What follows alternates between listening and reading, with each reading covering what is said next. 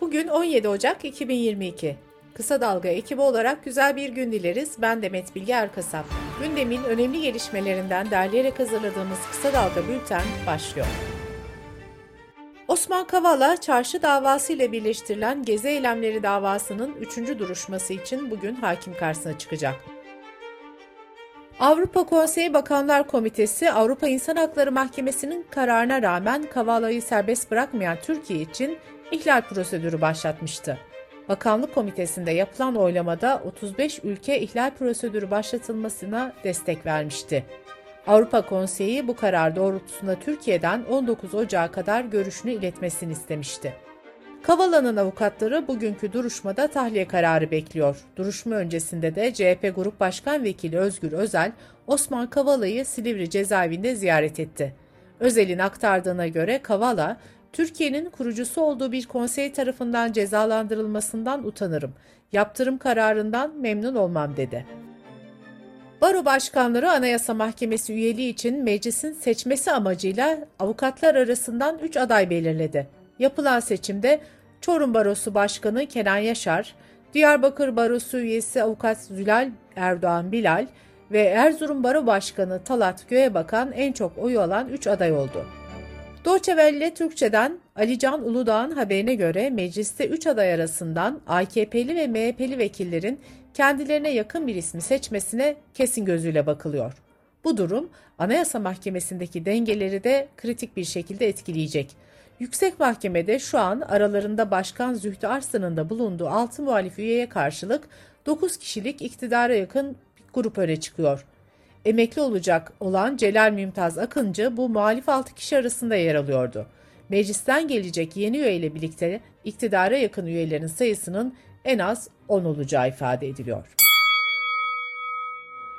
Seçim çalışmalarına başlayan İyi Parti seçim güvenliği çalışmaları çerçevesinde gönüllü müşahit kampanyası başlatıyor.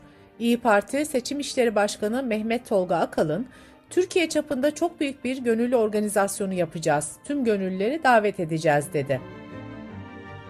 Belediye personeli Ahmet Açar'ı darp etmekle suçlanan AKP'li Tekirdağ Marmara Ereğlisi Belediye Başkanı Hikmet Ata hakkında bir buçuk yıl hapis cezası istemiyle dava açıldı. Covid-19 gelişmeleriyle devam ediyoruz. İçişleri Bakanlığı'nca cumartesi günü Koronavirüs Bilim Kurulu'nun tavsiyesi çerçevesinde aşısız olan veya aşı sürecini tamamlamayan kişilere PCR testi uygulanmasına gerek olmadığına ilişkin bir genelge valiliklere gönderildi. Bu karara uzmanlar tepki gösterdi. Türk Tabipleri Birliği şu açıklamayı yaptı. Bakanlık her yurttaşımızı potansiyel COVID-19 vakasına dönüştürerek toplumu riske atmaktadır. Hacettepe Üniversitesi'nden Profesör Doktor Mehmet Ceyhan da bu karar kesinlikle bilimsel değil. Bu karar omikron yayılsın binlerce kişi ölsün demektir dedi. İzmir Aile Hekimleri Derneği Başkanı Muhteber Çolak'ın açıklaması ise şöyleydi. Sağlık Bakanlığı salgın bizim için bitmiştir, herkes başının çaresine baksın diyor. Bu genelgeyi biz hekim olarak anlayamıyoruz. Salgın ve toplum kaderine terk ediliyor. Bu tepkilerin ardından dün yeni bir gelişme yaşandı. İçişleri Bakanlığı'nın PCR testi genelgesi yeniden düzenlendi. Genelgede aşısız veya aşı süresini tamamlamayan ve son 180 gün içinde hastalığı geçirmemiş kişilerden PCR testi istenecek ve istenmeyecek durumlar belirtildi. Buna göre uçakla şehirler arası seyahat edecek olan aşısız veya aşı sürecini tamamlamayan ve 180 gün içinde hastalığı geçirmemiş kişiler için PCR testi uygulaması devam edecek. Konser, sinema ve tiyatro gibi etkinliklere katılacaklara, Milli Eğitim Bakanlığı okullarında görev yapan personele, tüm kamu ve özel iş yerlerinde çalışanlarla kamu ve özel kurumlar tarafından düzenlenen öğrenci kamplarına katılacaklara ise PCR testiyle tarama yapılmayacak. Sağlık Bakanlığı tarafından COVID-19 rehberine karantina ile ilgili yeni maddeler eklendi. Buna göre COVID-19 yakın temaslı olup hatırlatma dozu yapılmış veya son 3 ay içinde hastalığı geçirmiş kişiler karantinaya alınmayacak. Bu kişiler maske, mesafe ve hijyen kurallarına uyarak kendi semptomlarını da takip ederek günlük yaşamlarına devam edecek. Bilim Kurulu üyesi Profesör Doktor Tevfik Özlü omikronla ilgili şu önemli uyarıyı yaptı. Bu dalga sonuç itibariyle çok sayıda kişinin bağışıklık kazanmasına neden olabilir ve önümüzdeki süreçte pandemide ılımlı hale dönüşme ya da süreyen bir hastalığa dönüşme durumu olabilir. Tabii bir de kötü senaryo var. Çok sayıda kişinin hastalanması, hastanelerin dolması ve ölümlerin artması. Umarım bu kötü senaryo gerçekleşmez.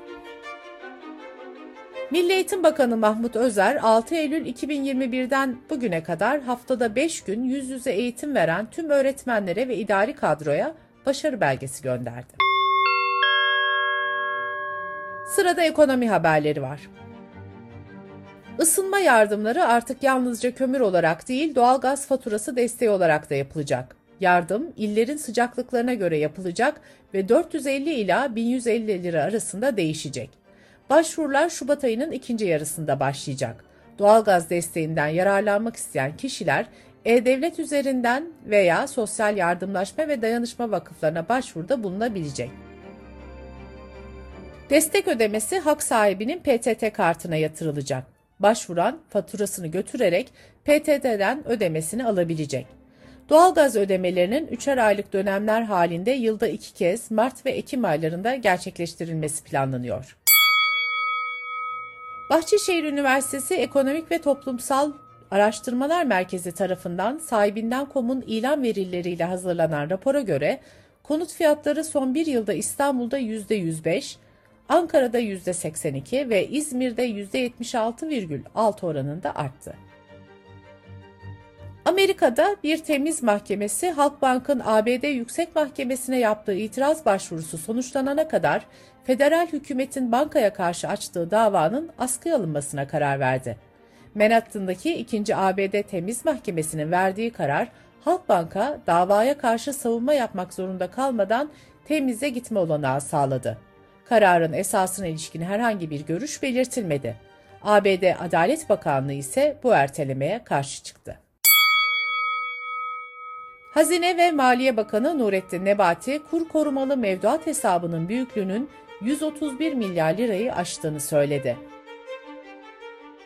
Türkiye Bankalar Birliği 2021 yılı verilerini yayınladı. Rapora göre 2021 yılının Ocak-Kasım döneminde bireysel kredi borcundan dolayı 1 milyon 182 bin, kredi kartı borcundan dolayı da 611 bin kişi yasal takibe düştü. Dış politika ve dünyadan gelişmelerle devam ediyoruz.